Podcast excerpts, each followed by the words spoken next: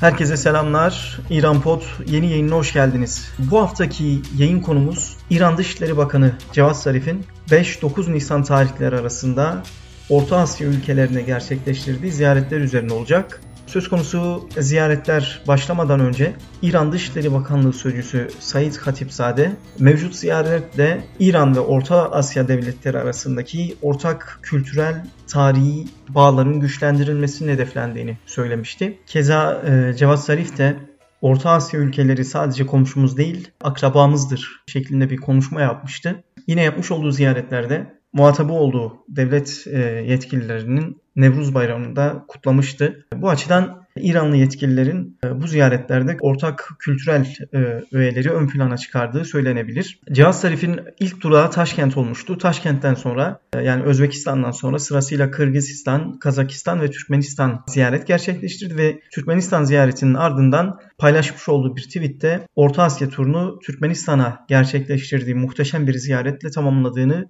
yazmıştı. Söz konusu ziyaretlerde ele alınan en önemli konulardan biri ekonomi, iktisadi ortaklıklardı. Yine e, Türkmenistan ve Kazakistan özelinde e, Hazar Denizi gündeme geldi. Kırgızistan'daki bazı yatırımlar gündeme geldi ve Özbekistan'da ise Çin, Özbekistan, İran ve Umman ulaşım koridorunun geliştirilmesinin e, hedeflendiği açıklandı. Genel olarak iktisadi konular gündemdeydi. Buna paralel olarak Afganistan'daki barış süreci de ele alındı. İranlı makamlar Afganistan'daki barış sürecinde bölge ülkelerinin işbirliğine vurguda bulundular. Tabi söz konusu ziyarete 3 perspektiften de bakmak mümkün. Birincisi Çin konusu. Hatırlayacak olursanız geçtiğimiz günlerde Çin Dışişleri Bakanı Tahran'a bir e, ziyaret gerçekleştirmiş ve bu ziyarette iki ülke Dışişleri Bakanları arasında 25 yıllık bir anlaşma imzalanmıştı. Bu anlaşma iki ülke arasındaki ekonomik ilişkilerin güçlendirilmesini hedeflemekteydi. Bu anlaşmanın imzalanmasının ardından Cevat Zarif'in Orta Asya ülkelerine ziyaret gerçekleştirmesi ve bu ziyaretlerde ulaşım hatlarının, lojistik, e, transit hatların, koridorların gündeme gelmesi e, mevcut 25 yıllık anlaşma kapsamında Çin ve İran arasındaki ülkelerdeki ulaşım hatlarının güçlendirilmesinin hedeflendiği akla getiriyor. Yine geçtiğimiz yıllarda İran devrim lideri Ayetullah Hamenei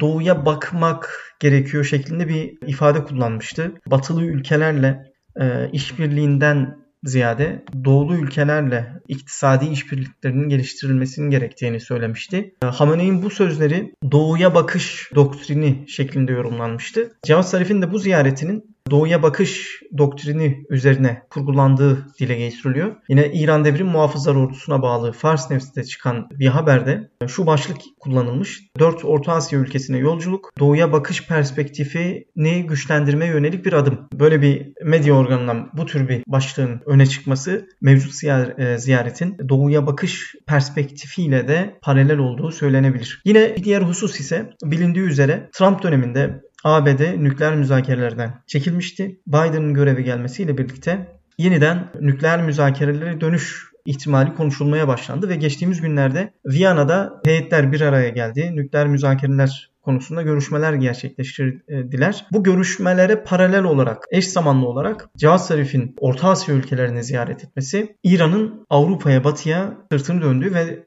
Doğu'ya yöneldiği şeklinde yorumlandı. Ee, keza Jerusalem Post'ta da çıkan bir haberde bu sembolik hamle ile Cevaz Zarif'in batıya bir mesaj verdiği iddia edildi. Yani doğuya yüzünü döndüğü şeklinde bir mesaj verdiğini yazmışlar. Bir diğer perspektif ise Türkiye açısından bakacak olursak e, mevcut Orta Asya ziyaretlerinin Türkiye açısından önemi nedir? Bilindiği üzere Türkiye'nin e, Orta Asya ülkeleriyle yakın kültürel, e, ekonomik ilişkileri bulunmakta. Yine 2019 yılında Türkiye Dışişleri Bakanlığı tarafından başlatılan bir girişim vardı. Yeniden Asya konulu. E, Asya ülkeleriyle ilişkilerin daha çok geliştirilmesi hedefiyle böyle bir girişim başlatılmıştı. Yine geçtiğimiz yıl Dağlık Karabağ Savaşı sonrası Azerbaycan'ın edindiği kazanımlar ve Nahçıvan ile Azerbaycan arasında açılması planlanan koridorla birlikte e, Türkiye'nin Orta Asya ülkelerine daha e, hızlı, daha kolay bir e, bağ kuracağı, bu anlamda ekonomik olarak, jeopolitik, jeoekonomik anlamda yeni bir dönemin başladığı iddia edilmişti. Türkiye'nin yüzünü Orta Asya ülkelerine döndüğü bir dönemde İran'dan da böyle bir girişimin gelmesi de ilginç bulduğum bir konu. Bu haftalık bu kadar. Beni dinlediğiniz için çok teşekkürler. Ee, yeni programlarda görüşmek üzere. Hoşçakalın.